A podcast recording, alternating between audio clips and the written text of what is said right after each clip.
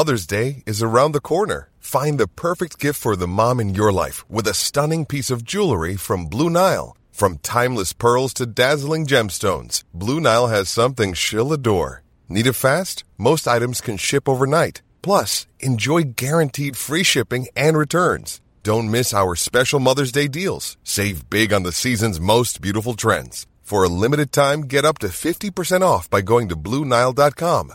That's Blue Bluenile.com.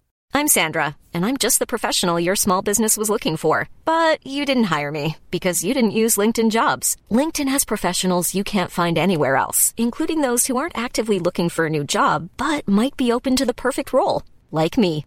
In a given month, over 70% of LinkedIn users don't visit other leading job sites. So if you're not looking on LinkedIn, you'll miss out on great candidates like Sandra. Start hiring professionals like a professional. Post your free job on linkedin.com/people today. Even on a budget, quality is non-negotiable. That's why Quince is the place to score high-end essentials at 50 to 80% less than similar brands. Get your hands on buttery soft cashmere sweaters from just 60 bucks, Italian leather jackets, and so much more. And the best part about Quince, they exclusively partner with factories committed to safe, ethical, and responsible manufacturing. Elevate your style without the elevated price tag with Quince. Go to quince.com slash upgrade for free shipping and 365-day returns.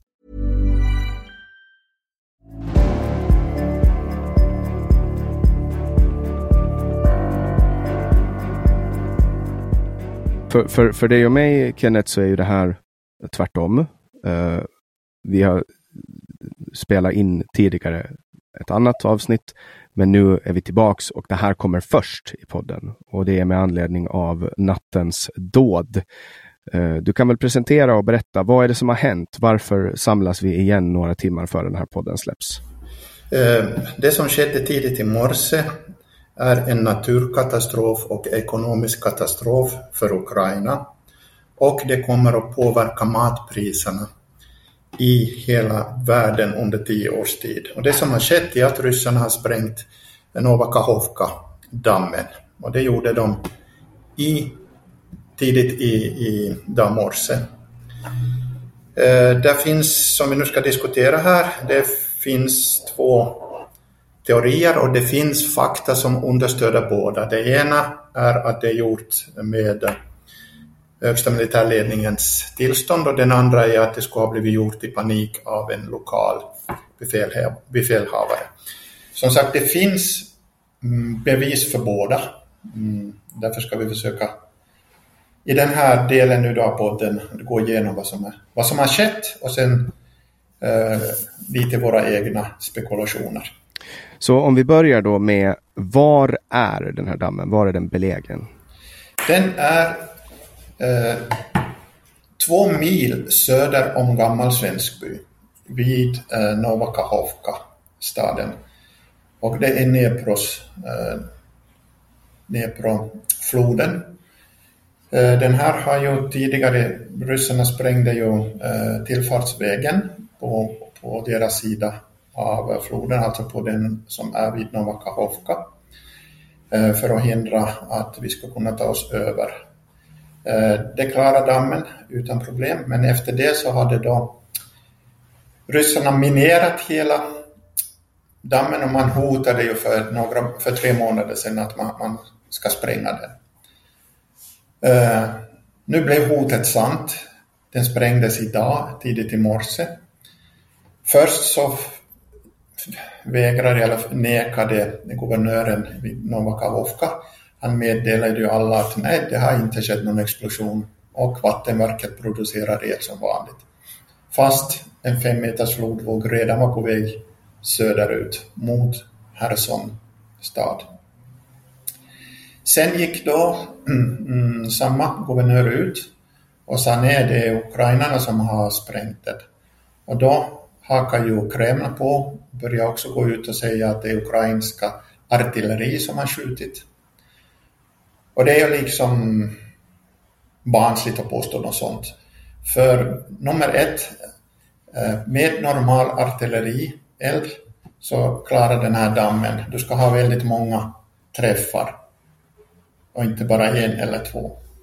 Dessutom så syns, syndes det på de bilder efter att, att eh, dammen kollapsade så syns det att tryckvågorna har kommit inifrån själva dammhuset.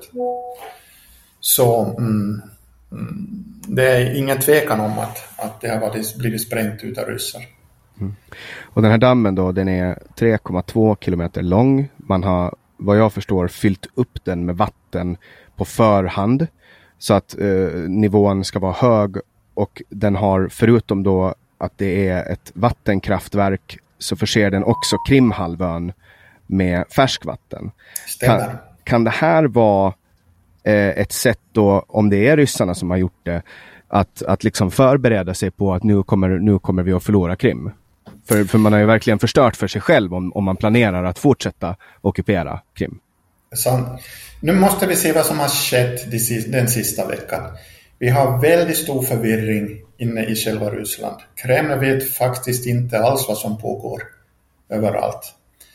Eh, vi har haft en otrolig psykologisk krigsföring mot eh, de ryssar som är på ockuperade områden. Och den har fungerat väldigt bra, till och med på officerarna. Och hur vi vet det? Jo, vi har fått avlyssna vissa telefonsamtal från Herson när soldater pratar hem. Och eh, man pratar om, om väntan på att man ska bli dödad utav ukrainarna, att ukrainarna kommer att köra över dig och att man sitter och, och dricker vodka. Eh, sen har vi då det som sker i Belgorod, där eh, den ryska frihetslegionen har satt till riktigt med kaos.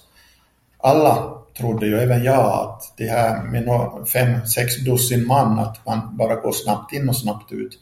Men man är nu på sin fjärde hela dag och biter sig fast och faktiskt tar mer mark. Och man har förstört ryska pansarfordon, man har förstört rys eh, man tagit av daga en eh, rysk eh, militärofficer som har lett väldigt hög officer. Man har tagit fångar kontinuerligt. Man har med drönare angripit eh, själva Belgorod på, på olika militära mål. Så det är en full kaos. Ingen, ingen vet egentligen vad som sker just nu. Och eh, om man då tittar på vad som pratar för att den här sprängningen skulle ha varit gjort av en lokal befälhavare så är just den stora förvirringen samt att man inte har förvarnat sina styrkor i söder.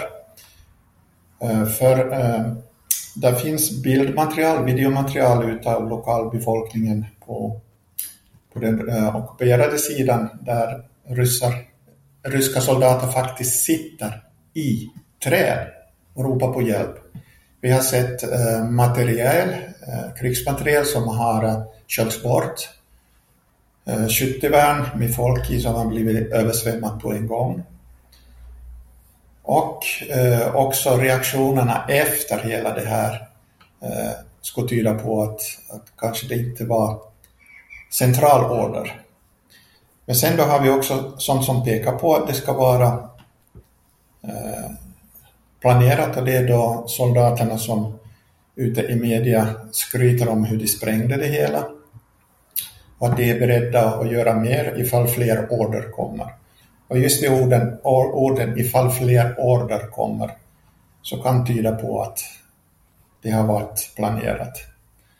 Och då är det ju väldigt svårt just nu att säga vad de långsiktiga konsekvenserna kommer att bli. Men om vi börjar med det som, som kanske är det som man mest pratar om är, är ju då, det finns ett kärnkraftverk Zaporizjzja, jag vet inte om jag sa det rätt nu, men som ligger längre ner eh, för, längs floden. Vad kan de tänkbara konsekvenserna bli för, för kärnkraftverket? Eh, nu, eh, vattennivån har ju sjunkit där mellan 5 och 10 meter. Och eh, själva kärnkraftverket det har ju en egen bassäng. Men det är otroliga temperaturer, så en värmeväxling som kommer till kylvattnet.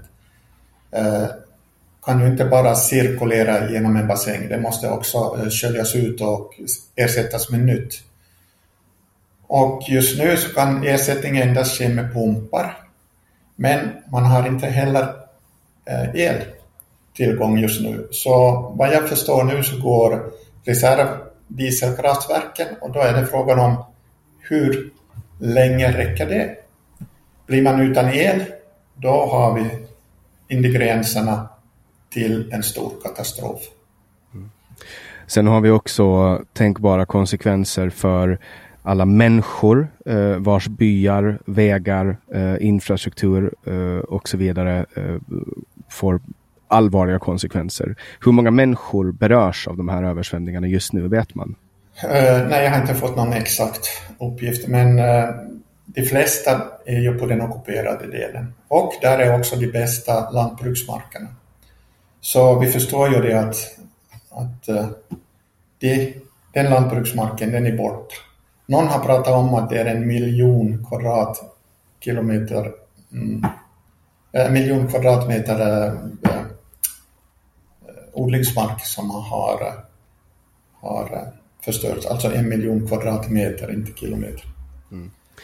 Det finns ju också det, är också tänkbart att det här, de här vattenmassorna nu kommer att dra med sig omfattande eh, miljögifter ner i Svarta havet som redan är hårt eh, belastat av miljöförstöring.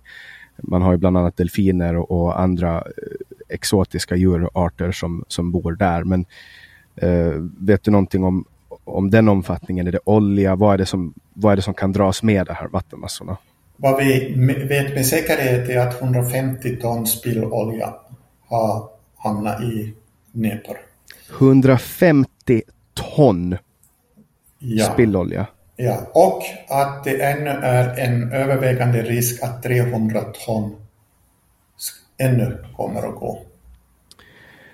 Uh, den här oljan, den är ju fruktansvärt, fruktansvärt förödande för, för miljön. Eh, småliv, djur, människor, eh, jorden, allting. Och sen också om den kommer ut i havet så är den mycket, mycket, mycket svår att få upp när den flyter runt. Exxons olyckan i, i Alaska i tiderna, den är småpotatis jämfört vad som nu håller på att ske. Uh, ja, och Eh, social och ekonomisk inverkan. Vad kan man, vad kan man säga om det då? Eh, vi vet ju nu i och med att det är eh, Europas kornbord där och också stora mängder utav vattenmelonerna som kommer från det här området. Det är garanterat minst tio år borta ur produktion. Så vi kan ju förstå då vad tillgången på spannmål, frukter, grönsaker kommer att göra till pris, på prisnivåerna framöver. Energiförlusten, hur många megawatt output har, har det här vattenkraftverket haft? Vad är, uh, nu har jag inte satt mig in i det hela men uh, den har varit betydande. Och sen då när du tar både den här och Zaporizjzja uh, kärnkraftverket då. Vi har stor underskott på el och det måste göras någonting väldigt radikalt och väldigt snabbt Ja, det försvåras ju av att det är trupprörelser eh, i området såklart. Eh, som och, säkert. och det att ryssarna har eh, beskjutit evakueringarna. Det är, det är svårt att tänka sig att det här faktiskt, att, att de faktiskt gör så här. Um, om man kollar på, om, om vi kollar på energi i allmänhet, ett elnät behöver ju ha någonting som reglerar och där är ju både vattenkraft och kärnkraft de som man främst använder idag när man reglerar för att få ut jämn stabilitet på nätet. Uh, har du någon uppfattning om hur viktig eh, uh, den här vattendammen har varit för stabilisering av elnätet i de här delarna av Ukraina? Uh, före kriget så var den ju väldigt betydelsefull, men det har ju alltid varit under, eller i ryssarnas händer. Och det påverkar ju allra mest förstås Eh, den ockuperade delen. Eh, men naturligtvis, de här vattenmassorna sköljer ju bort transformatorer och, och annan infra. Så det gör ju också att eh, på vår sida så har eldistributionen helt slagits ut. Uh, och, och, och, min, alltså så här, när jag tänker och spekulerar, då är det ju helt osannolikt att Ukraina ska göra det. Det finns liksom inte ens på kartan att, att Ukraina skulle bete sig på det här sättet. Håller du med om den? Absolut, absolut, det, så är det. Så om vi utgår ifrån att det här då är ett ryskt eh, krigsbrott, vilken, på vilken skala skulle man ställa det här i till exempel förhållande till bombningen av teatern i Mariupol? Det här är ju enligt alla definitioner så är det här en massförstörelse, användande av massförstörelsevapen och det är direkt krigsbrott. Finns det någon, eh, liksom, tror du att det här på något sätt kan påverka NATO och hur de eh, beblandar sig i kriget? Tyvärr inte. De beklagar det hela. Kanske det att vi får lite mera bättre vapen, men där är det. Um, om vi återgår då till Krim som nu är, har varit annekterat sedan eh, 2014 och som nu har blivit en, en rysk lyxturistort eh, enligt, enligt rysk definition. Då. Eh, hur Eh, kan det här liksom påverka livet på Krim? Det här måste ju vara en, en enorm försämring för de oligarker som nu fläder runt på stränderna och har det bra. Eh, det, det är en påverkade i och med att tunnelöppningarna för vattenintaget eh, till Krimhalvön så den, det finns ju mitt emot Gammal Svensby och det är minst fem meter ovanför vattenytan. Så det, vatten kommer inte mera till Krim.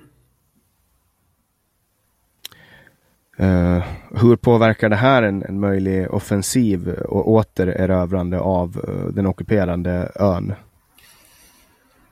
Eh, ja, det är en bra fråga. Uh, vad egentligen som, som kan ske nu det är att, att de här, vi flyttar våra trupper från södra Kherson upp mot Zaporozhia eller mot Donbass för att sätta in dem i, i attackerna där.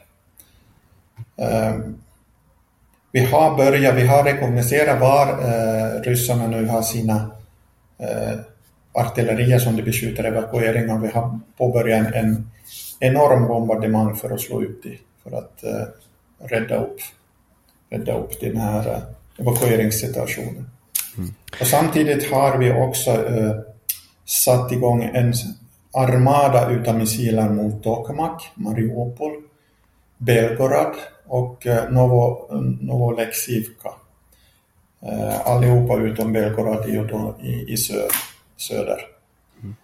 Så som det ser ut nu så kommer det här mera att påskynda eh, offensiven än att hejda den.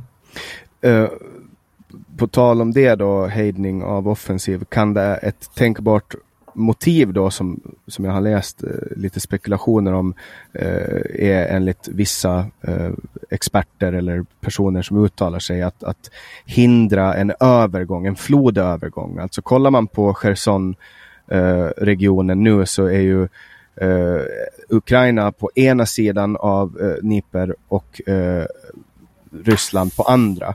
Och då har man då menat att nu är de, de flesta broar är ju sprängda eh, sen tidigare. Eh, kan det här vara, som många säger då, att det här är ett sätt att hindra en övergång och truppförflyttningar över till Cherson Oblast eh, som Ryssland kontrollerar? Det som skedde där eh, tror jag inte har, har varit avsikten med den. Jag tror, men eh, ja, man vet aldrig. Men det var jag, jag själv tror är det att, att eh, de soldater och de befälhavare som finns där i, i Herson och eh, har varit utsatt för den här psykologiska krigsföringen vi har eh, satt igång. Eh, de ser ju ukrainska soldater i varje buske. Och har någons halvfull eller nykter eller full kommendant fått för sig då att vi attackerar och, och utlöste hela. Ett möjligt scenario men om man skulle göra det här helt medvetet, varför drar man inte bort sina trupper då som, som var i vägen för den här eh, flodvågen? Många som har ju sagt till mig då, ja men det här, kan, det här är bara en, en propaganda eh, av eh, Ukraina för att få, få, få, få det att stå, eh, framstå som en... Nej, det här är lokala lokalbefolkningen som har skickat så många videon, så många foton från det hela på, på Telegram att, att det kan vara så som jag just har sagt att det har skett på det här viset. Det kan alltså, det är sannolikt att det kan vara. Men som sagt, det kan också vara sannolikt att, att man har beslutat sig för att man håller på att förlora kriget och man ska förstöra allting som finns. Mm. Ja, och då får vi ju också bara vara väldigt tydliga med att när det här släpps, vi spelar in det här på tisdag kväll, det här släpps på en onsdag och redan när ni hör det här så kommer det att finnas väldigt mycket information. Ja, före vi avslutar det här korta inslaget, vad kan vi mera säga om den här situationen? Vi måste vänta på morgondagen för att få mera konkreta, konkret fakta. Men vad vi kan säga om, om frontlinjerna är det att till exempel Deep State Map, det är 72 timmars Eh, försening i sin rapportering.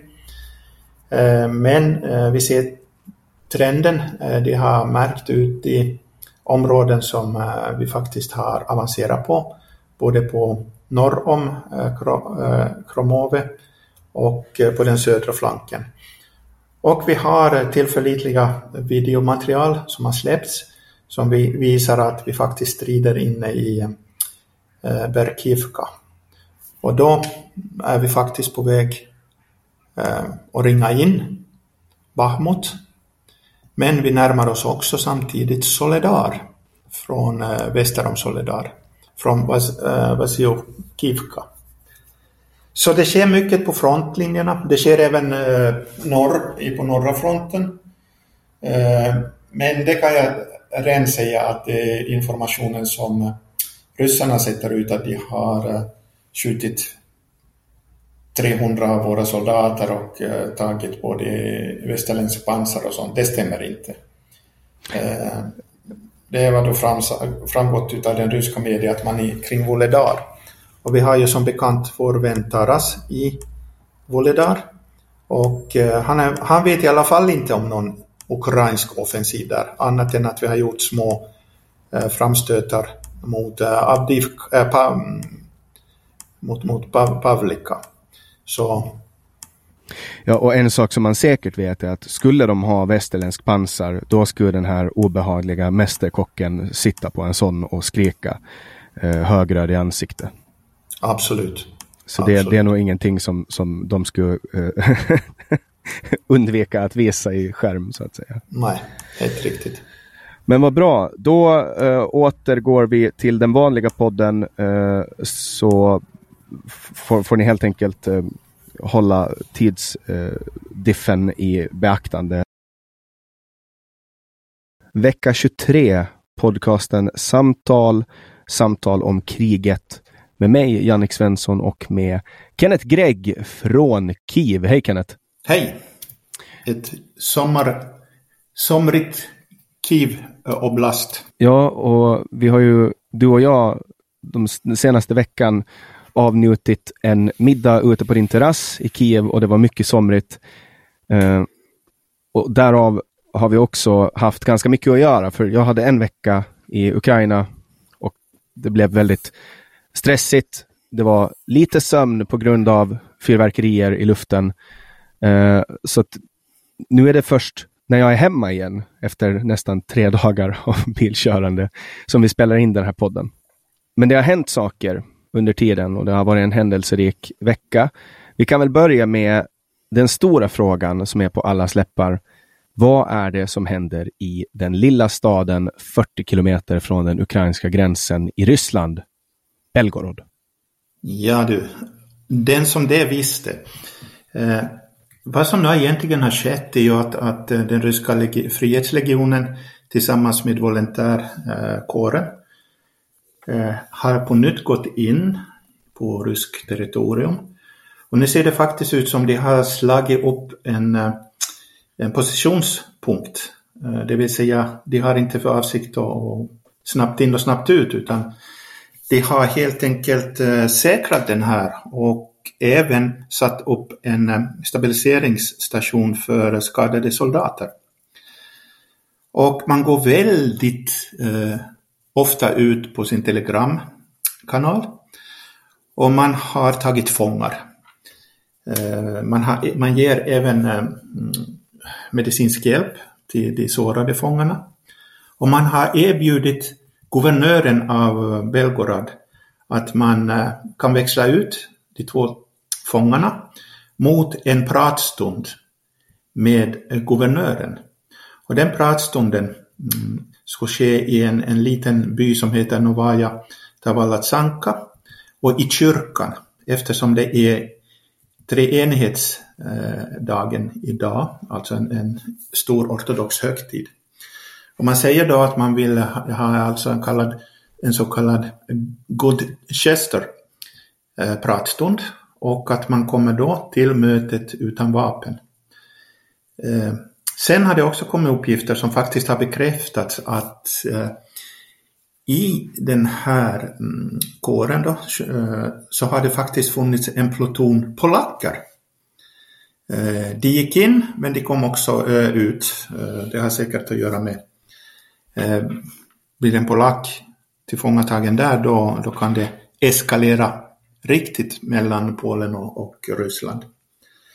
Men eh, det var mer en, en sån här eh, gesture eller en, en ska vi säga då helt enkelt på svenska att det var att man ville stödja den här uh, volontär, ryska volontärkåren och visa att de har eh, vänner också utanför Ryssland.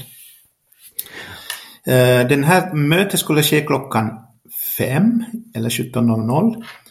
Jag sitter just och tittar på deras telegramkanal där ännu inte kommit någon information om om hur det mötet, om det har överhuvudtaget har skett. Kom guvernören dit eller vad som har avhandlats där. Då ska vi också nämna att vi spelar in det här på söndagen den 4 eh, juni, så det kan ha kommit uppdateringar när det här släpps onsdagen den 7. Ja, och jag gjorde en uppdatering av det här idag och eh, jag har faktiskt fått ett antal samtal från eh, expats eller eh, invandrade eh, ryssar i, i äh, Skandinavien, eller i nordiska länderna, som eh, frågar hur man kan ansluta sig till den här legionen. Och för att vara ärlig, jag vet inte. Eh, jag har inne nu en, en mm, intervjuförfrågan till eh, kommendören utav, utav den här legionen. Så, så intressanta dagar framöver.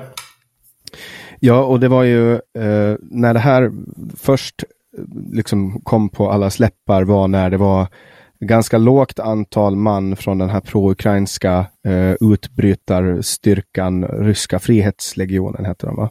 Mm. Eh, de gick in med eh, ett litet antal män och lamslog hela den här stan. kan du snabbt sammanfatta vad som hände då? Mm, ja, eh, ryssarna blev ju tagna på sängen. Eh, man var ju där då nästan ett dygn innan man drog sig tillbaka. Men nu är man igen inne och nu ser det faktiskt ut som att man är med tyngre vapen, tyngre utrustning och mera män.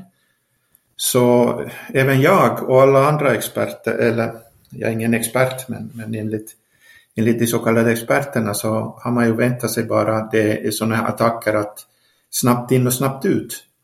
Men nu ser det faktiskt ut som man har, man har satt upp en position där. Så man är faktiskt inne i staden Chebekinos förort.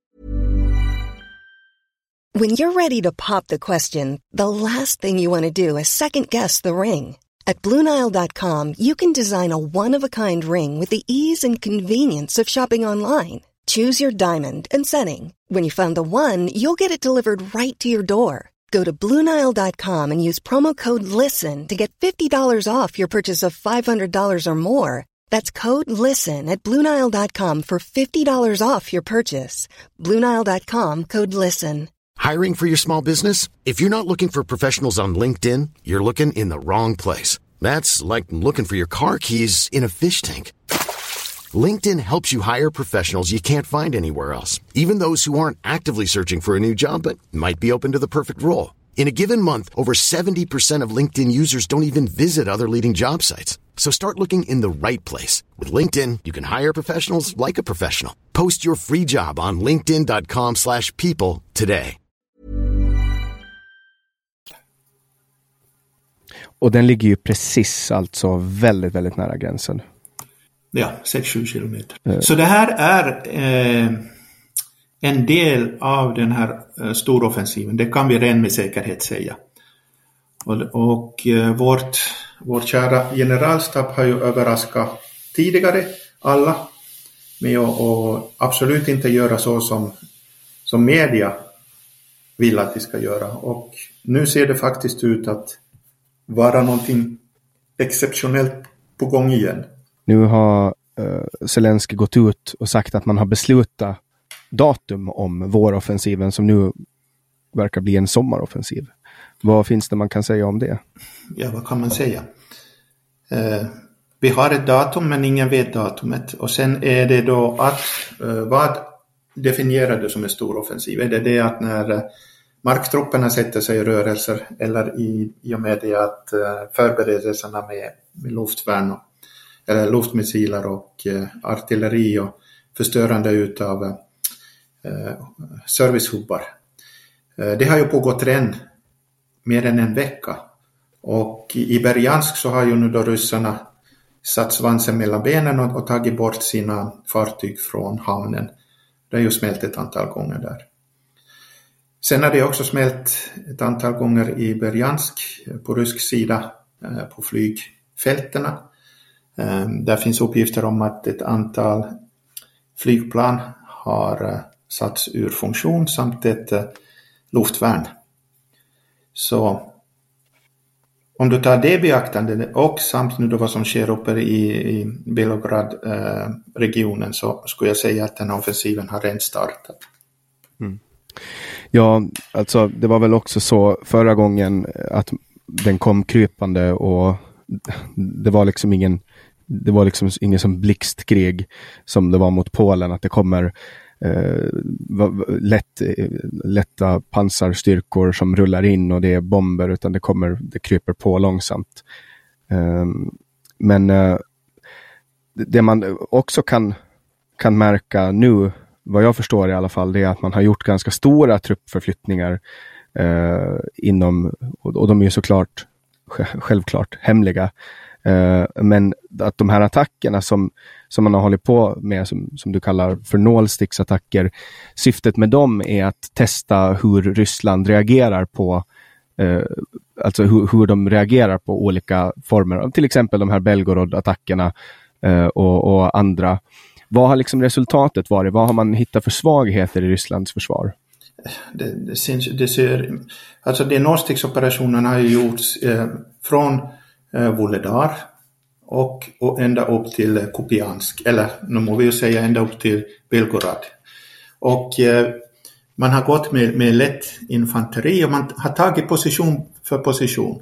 Först eh, tog man flera positioner av ryssarna söder om Bahmut Sen sprängde man ett hus med, med åtminstone 100 eh, ryska soldater i, inne i själva Bahmut med en eh, med missilattack. Och nu har man ju också, eh, sen gick man ju också norr om på flankerna och nu under natten så har vi eh, faktiskt närmat oss eh, Soledar. Jaha. Och det är faktiskt, vi är bara 4,5 kilometer från Solidars eh, centrum nu om man tittar på Deep State Maps karta. Så vi går med väldigt lite äh, lätt infanteri och, och vi tar positioner. Tror du det finns som mål att, att återerövra, återerövra Solidarien? Det, målet är ju att återerövra all mark. Men det var en, en av, av mina pojkar som sa att, att eh, den ryska armén är inkompetent men den är lång. Mm. Ja, eh, mera om offensiven kommer att komma i kommande uppdateringar både på din Facebook-sida och i den här podden.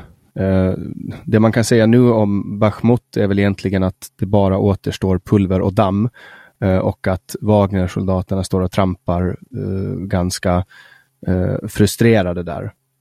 Wagner har ju börjat dra sig ut därifrån. Så i, princip ska det inte finnas stora styrkor Wagner kvar där. Uh, vad, vad, är det som, vad, vad är det som händer där nu?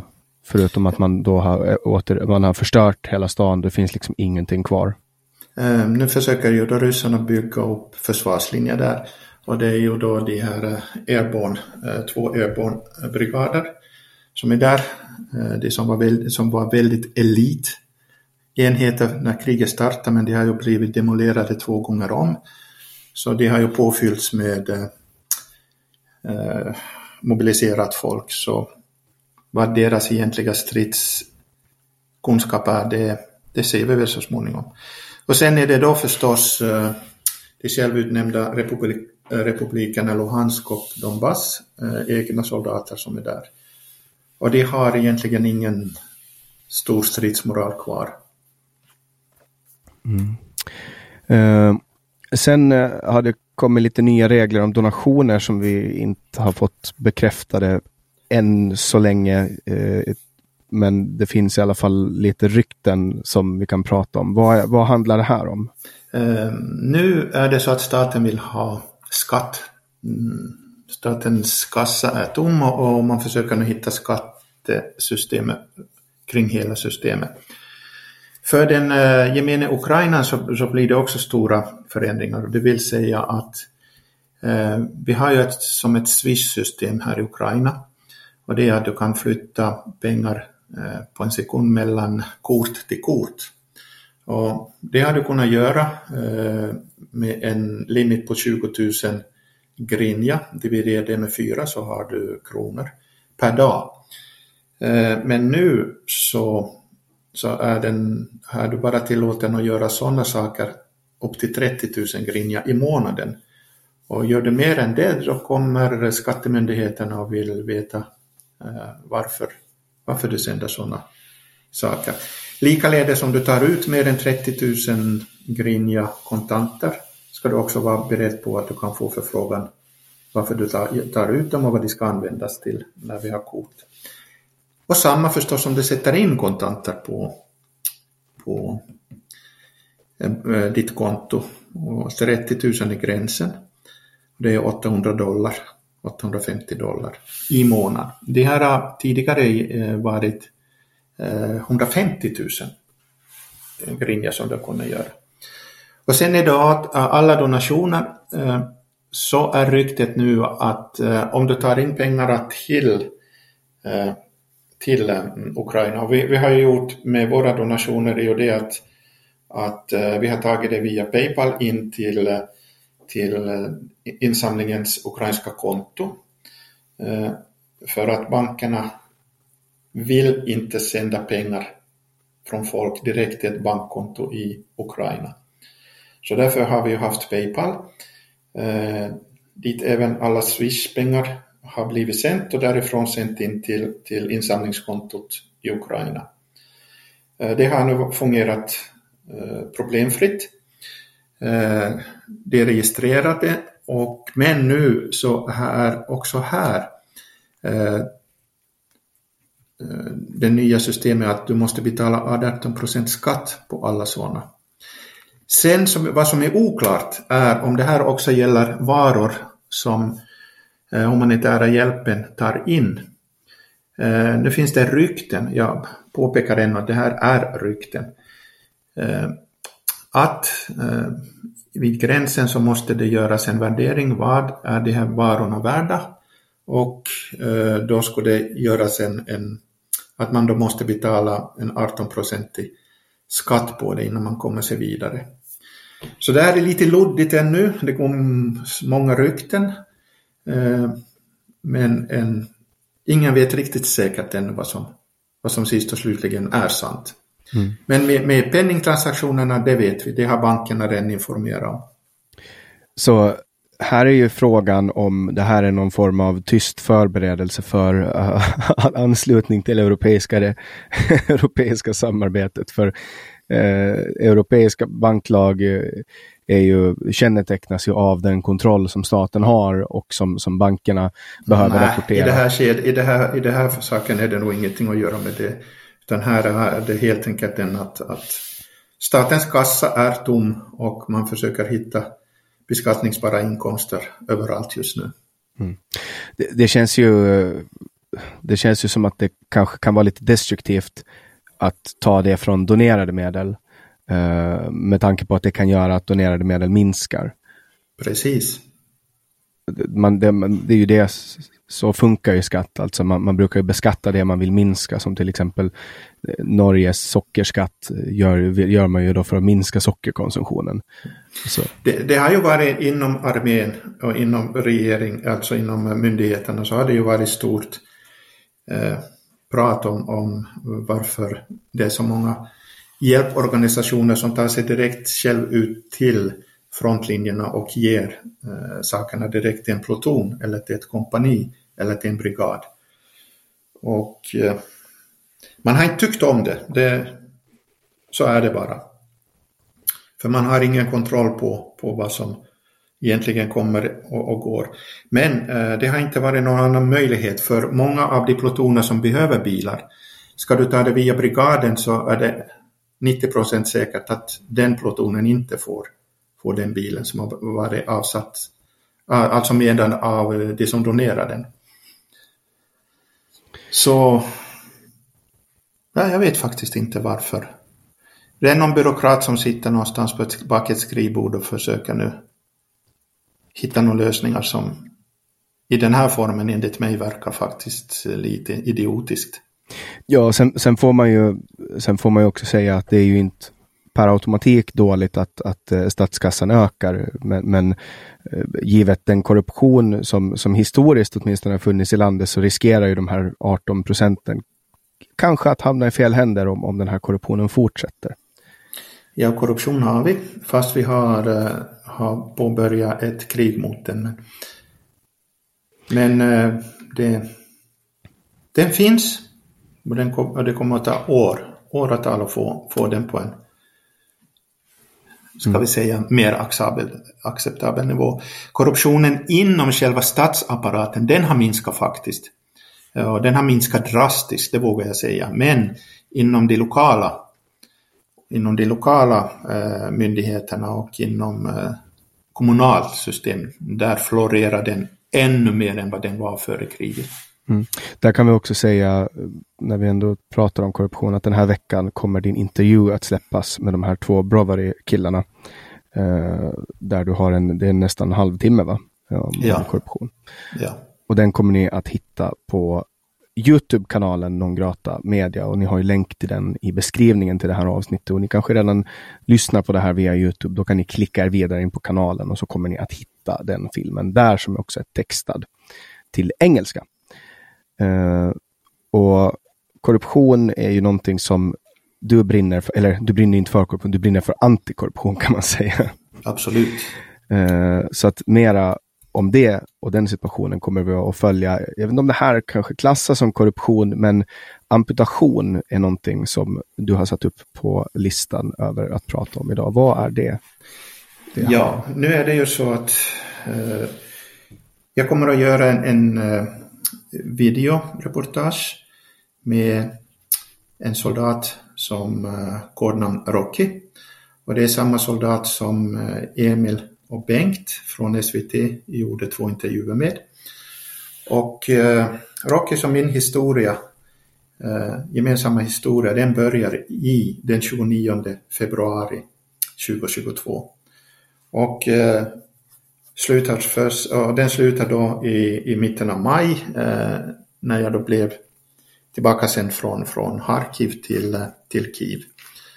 Och en månad senare, så det kommer fram mera i den intervjun, men eh, lång historia kort, blir han väldigt svårt sårad av granatsplitter. Eh, Hamnar in på sjukhuset i Harkiv och läkarna säger att eh, de måste amputera benet. Eh, han vägrar och läkarna säger men eh, staten kan inte betala, det finns inga pengar för att, för att, att hela ditt ben eller rädda ditt ben och den, eh, den eh, rehabilitering som krävs. Att då måste du betala den själv. Så he, hela hans familj, eh, han jobbade ju, han hade väldigt bra jobb eh, i det civila så han hade själv egna besparingar. Men 2,5 miljoner grinja hade hittills kostat honom. Och det som är väldigt eh, intressant, han är inte bitter. Och han är på väg tillbaka in i armén. det, det kännetecknar väl kanske den ukrainska stridsmoralen. Eh, absolut, absolut. Absolut. Och det är det som, som gör att min fascination för det här folket är oerhört starkt, stark. Mm, så i princip kan du säga att uh, Rocky köpte sin personliga utrustning för egna pengar och han köpte sin uh, rehabilitering också för egna pengar. Och nu går han igen ut för egna pengar. På nytt in i strid. Men de flesta har inte de här möjligheterna. Nej, och, och därför är det nu uh, viktigt som vi har pratat om här, uh, framförallt som min, mina intäkter från boken ska gå till en krigsinvalidsfond. Och uh, vi kan ju inte hjälpa alla, för så många svensktalande finns det inte som kan köpa en bok på svenska. Så att vi kan rädda alla, men åtminstone kan vi påbörja, göra en plattform och eh, sen få ska vi säga, via fler donationer in till den fonden för att, att kunna rädda så många, ska vi säga, ben och armar som möjligt. Mm. Och där kan vi säga också då att de som eh, har prenumererat på listan för uppdateringar om Kennets bok eh, under måndagen har fått utskick om möjlighet till förköp eh, och att det idag, onsdag eh, den 7 juni Eh, för de som lyssnar då kommer att eh, få köpa den här boken. Eh, länk hittar ni i beskrivningen till det här avsnittet. och den kommer förhoppningsvis, vi har ingen datum för när den släpps ännu, men eh, förhoppningsvis under hösten. Ehm, så då har vi ju eh, sagt det. Sen har vi drönarattacker mot Moskva hamna på agendan förra veckan. Vad är det som hände i Moskva? Vem ligger bakom de här attackerna? Vita huset eh, påstår att de inte stödjer drönarattacken mot Moskva, Eh, medan England och deras utrikesminister James Cleverly säger att legitima militära mål utanför Ukraina är en del av landets självförsvar. Eh, lite splittrat i världssamfundet. Vad kan du berätta om de här drönarattackerna, Kenneth? Det vad vi vet med säkerhet är att det är ukrainska. Eh, vad vi också vet med säkerhet är att det var inte var laddade med, med stora sprängstoff utan det här var en Eh, för att, att väcka upp gemene eh, medborgare i Ryssland att hej, eh, vi kan också attackera er ifall vi vill. Däremot så, så mm, satte det ju igen ryssarna i en, en, en sondager att hej vad sysslar ni med? Att en, de kan flyga 500 kilometer inne på ryskt territorium utan att bli nedskjutna. Det, det var målet med, med det här. Eh, det var nog ingen mål med att spränga någonting eller, eller få till stånd en, en förödelse utan det var att, att visa att hej vi kan också. Mm. Eh, psykologisk krigsföring kallar man det. Ja, och psykologisk krigsföring, det är väl det som Kiev nu den här föregående vecka har fått utstå, där man 17 av 31 dagar i maj har vaknat upp av flygalarmet. Jag fick själv uppleva det eh, när jag var i Kiev förra veckan eh, och då hörde jag en natt och då måste jag säga att min det frös, jag frös till is när jag hörde en mopedmotor utanför fönstret. Eh, jag stod och tittade ut. Eh, jag bodde ganska högt upp och helt plötsligt glimrade det till i luften framför mig och några hundra meter på min högra sida så blev en sån här moped då nerskjuten och kraschade in i ett hus. Eh, och jag fick uppleva chockvågen från det. Eh, du och jag satt eh, morgonen efter eh, och skrev bokkontrakt när en Kinshal missil, alltså då en ballistisk missil som flyger uppe i rymden och sen dyker mot sitt mål i 12 000 kilometer i timmen, eh, dök rakt ner mot Kiev men sprängdes i luften. Eh, och dagen efter eh, det här då så sprängde man tio stycken Iskander som då är mark till mark som färdas i 9300 kilometer i timmen. Eh, flera dödsoffer eh, den här veckan, eh, Kiev. Men eh, i förhållande till antalet eh, sprängladdningar, robotar, drönare man äh, attackerar med relativt lågt antal. Men framför allt kanske då psykologisk krigsföring. Jag fick ju själv uppleva hur förbannat svårt det är att sova. Eh, men till min stora förvåning märkte jag att jag började somna om efter de här attackerna. Den här dagen när de sprängde då tio stycken, eh, tio eller elva Iskander ovanför huvudet på mig, så somnade jag om efteråt. Eh, men även om man somnar om, och, så kanske de här tre timmarna av sömn som man får påverkar. Eh, hur stor påverkan skulle du säga att det här har på psykologin för alla de miljontals människor som tvingas upp ur sängen under de här flygalarmen och sen då laddning, man, man hör ju sprängladdningar från luftvärnssystemet men också när de här detonerar i luften. Ja, nu, nu ska vi ta, för det första så sköts ju alla ned som sändes mot. Eh, det var ju så kallade briser eller, eller skräp som som trillade ner, delar av dem och, och som tyvärr föll på, på, på de här husen, bilarna och eh, därför, därför dödsoffer.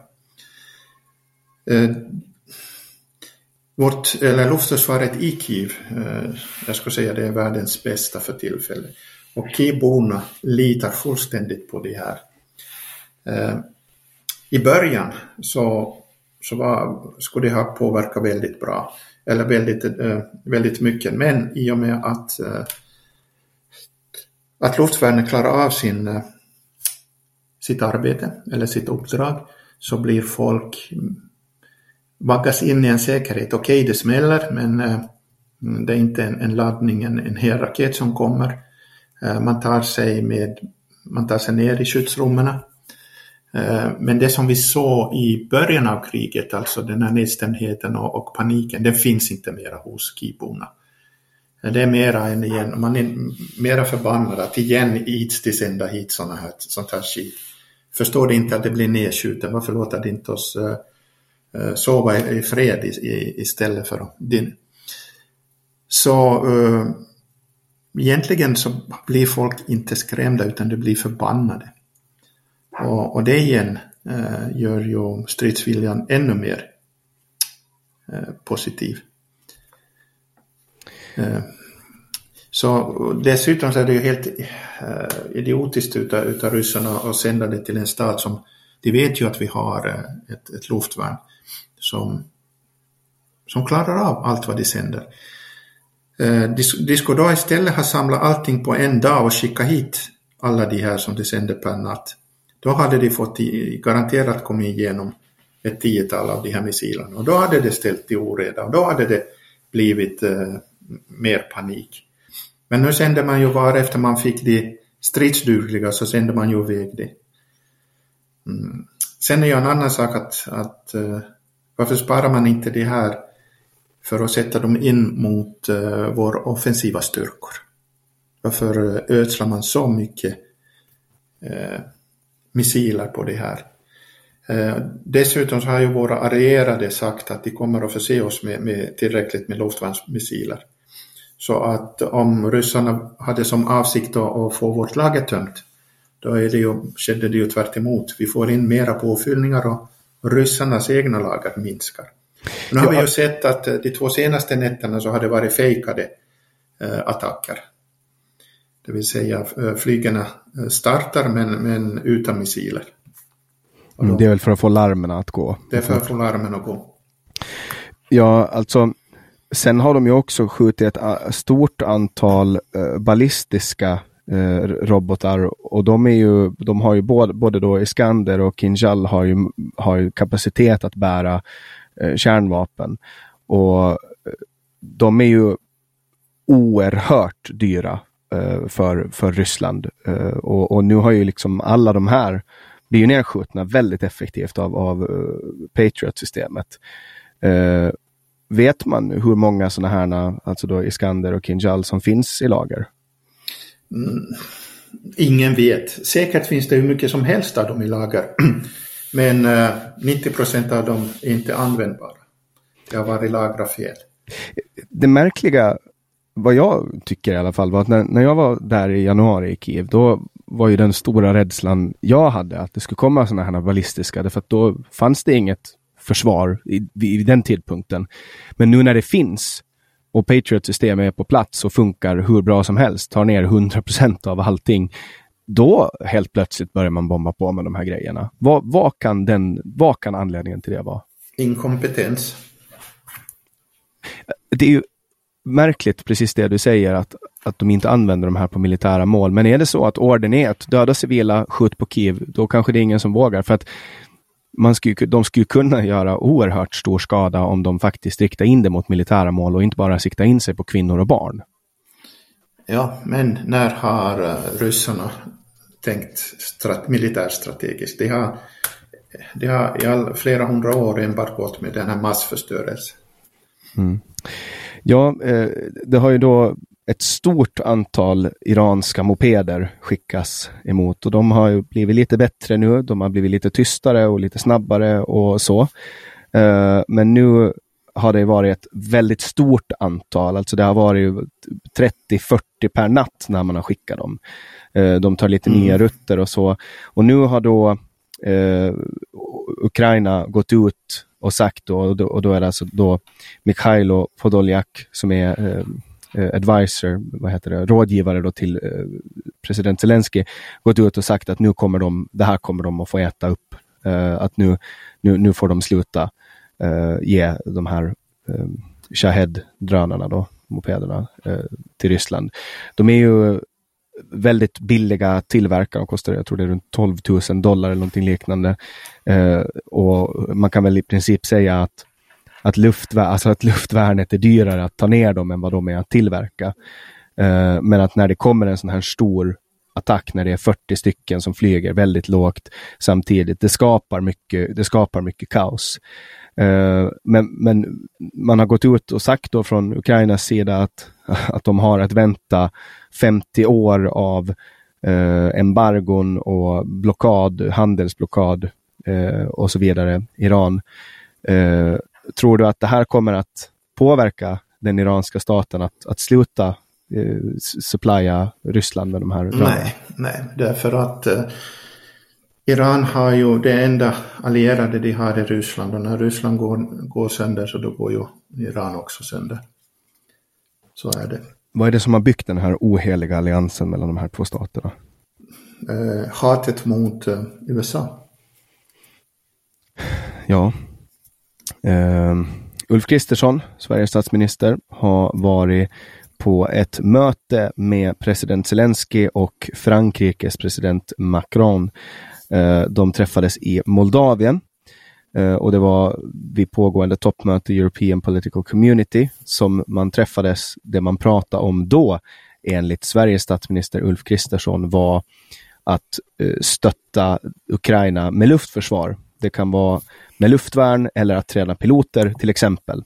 Det här sa då Kristersson till SVT. Han påpekar att Sverige har erbjudit att utbilda ukrainska piloter. Vad det här innebär är svårt att säga. Det, vad jag förstår i alla fall handlar inte om att skicka några JAS-plan. Snarare kanske utbilda inom kompetens. Sverige är ju väldigt duktiga på luftförsvar, även om man inte har så jättemycket erfarenhet. kanske från kalla kriget. Eh, men det man vet i alla fall, eller det vi vet i Sverige, är att man har, man har tränat eh, ukrainska soldater i Sverige. Eh, så Sverige har varit aktiva med sin hjälp. Danmark har ökat på sitt bistånd eh, ytterligare.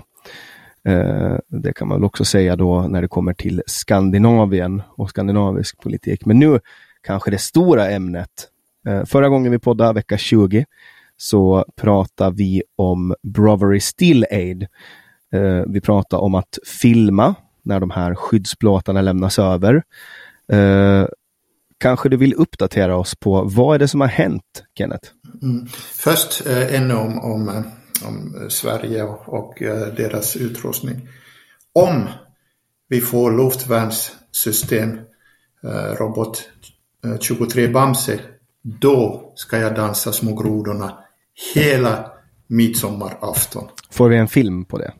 Absolut, absolut. För får vi, får vi Bamse hit så då, fan och nammar, då Uh, därför den är, den är ju så mobil att den kan liksom skydda hela vår uh, offensiv uh, på, för luftsystem. Den är rörlig, den är liten, den är effektiv och nästan 100% träffsäkerhet. Ja, den är mycket liten och ser väldigt märklig ut. Men enligt utsago från dig så är den väldigt, väldigt effektiv. Den är mest effektiva vad vi kan få. Så om försvarsberedningen ger tillstånd att exportera Bamse, då, då, då har vi allt. Kan den vara, men det kan väl inte vara bättre än Patriot? Jo, Patriot kan du, kan du inte ta, flytta så snabbt och så effektivt. Den kan inte följa med en, en attack. För Patriot är ett system som äh, det har så många delar att de är utspridda på en, en 2-3 kvadratkilometer. Medan Bamse är ju, det är som Bamse, han har sin honungsburk. Du tar fram den när den behövs, så är Robotsystem 23. Den är världens bästa eh, luftvärnssystem eh, när du är på en offensiv. Ja, ja, men då får vi hoppas. Och sånt här håller man ju kanske då hemligt. Eh, förhoppningsvis kanske det redan finns och, och, det är som den gamla eh, krigsdevisen från Sverige, en svensk tiger. Eh, och en svensk håller tyst om saker de ser. Men kanske, kanske, kanske den redan finns på plats. Det vi vet är att Archer, artillerisystemet, har donerats. Mm, det vet vi. Och, och vi vet också att det är på plats på fronten. Och det är väldigt bra. Brovery Steel Aid, häromdagen så fick jag den stora, stora förmånen att filma när du överlämnade de här skyddsplåtarna som vi kom att prata om i vårt förra avsnitt, vecka 20 i den här podden. Vill du berätta resultatet av de här donationerna? Hur många kronor fick vi in? Vi fick in mer än 245 000 kronor totalt på Swish och via Paypal. Eh, vi fick dessutom fabriken eh, sänkte också priset. Så istället för eh, 100 par så fick, fick vi faktiskt 140 par levererat. Och eh, min bataljon i Brovary, hemvärnet, eh, gjorde en test på, på vad de har och på det nya. Och vi sköt då med, Eh, med AK47, 50 meter eh, på de här plåtarna eh, med en vanlig patron och med en pansarbrytande spets. På det som de tidigare har haft så gick båda kulorna rakt igenom. Och på det som vi hade fått donationer till och som blev tillverkade i Andres fabrik i Borispol så stoppades de båda kulorna. Mm. Och eh, dessutom så gick det inte heller så långt in i eh, i, i stålet. Så i princip har alla donatorer räddat 140 liv. Och det tackar vi oerhört mycket för. Vi kommer att, som vi sa då, vi spelar in en film om det här och den kommer att släppas då eh, tillsammans med en crowdfunding-kampanj som vi kallar för Heroyam, där vi vill fortsätta göra sådana här filmer då för att kunna dokumentera till eftervärlden. Vi kommer att släppa mer information om det här vid ett senare tillfälle. Eh, men målet är uppnått. Av 100 plåtar som mål så blev 140 levererade. Av 180 000 kronor som mål så blev 245 000 kronor insamlat. Och eh, att se det här på plats eh, gjorde att jag nästan på vägen därifrån när jag förstod eh, vad som hade hänt och vad jag hade varit med om föll i tårar. Eh, att se tacksamheten i din befälhavares eh, ögon, eh, även om jag inte förstod språket, det var djupt, djupt, djupt rörande. Eh, och jag är oerhört tacksam att jag får vara med och visa det här till alla er som har donerat. Så igen, stort tack för er hjälp. Um, vi har nu också uh, för den här veckan kommit till slutet uh, av den här podden. Vi kan påminna om boken. Den här boken som har fått arbetsnamnet Uppdatering från Ukraina, där Kennets del kommer att gå till uppbyggnaden av en krigsinvalid. Nu tror jag inte att, jag tror inte man får säga krigsinvalid längre. De, man har väl bytt namn de senaste tio åren kanske fem gånger. Eh, men kanske det heter personer som har blivit skadade i kriget eller liknande. Eh, men den boken är på gång och ni kommer såklart att hitta information om den här på eh, Kennets Facebook-sida och på nongrata.se. Eh, vi kommer den här veckan också att släppa, som jag sa tidigare, intervjun med de här två eh, killarna från Brovary stad som tidigare jobbade där. Eh, så håll koll på Youtube-kanalen. Följ Kenneth på Facebook. Eh, och framför allt prenumerera på den här podden på Spotify eller på Youtube eller där du nu lyssnar på den. Vad kommer vi att få höra om nästa vecka, Kenneth? Ehm, ja du, eh, säkert mera om, eh, om Frihetslegionen och volontärkåren. Eh, garanterat. Sen kommer det också att släppas nyheter från offensiven och systemet där. Och troligtvis kommer vi att ha en hel del på korruption. Hey, it's Paige DeSorbo from Giggly Squad. High quality fashion without the price tag. Say hello to Quince. I'm snagging high-end essentials like cozy cashmere sweaters, sleek leather jackets, fine jewelry, and so much more. With Quince being 50 to 80% less than similar brands and they partner with factories that prioritize safe ethical and responsible manufacturing i love that luxury quality within reach. Go to quince.com slash style to get free shipping and 365 day returns on your next order. quince.com slash style. Hey it's paige desorbo from giggly squad. High quality fashion without the price tag. Say hello to quince I'm snagging high-end essentials like cozy cashmere sweaters, sleek leather jackets, fine jewelry, and so much more. With Quince being 50 to 80% less than similar brands. And they partner with factories that prioritize safe, ethical, and responsible manufacturing. I love that. Luxury quality within reach. Go to quince.com slash style to get free shipping and 365-day returns on your next order. quince.com slash style. Fronten också och, och meddela om. Mm. Så håll i hatten alla som har lyssnat och Kenneth, håll i hjälmen och försök att hålla dig levande tills nästa gång. Absolut, det gör vi. Tusen tack.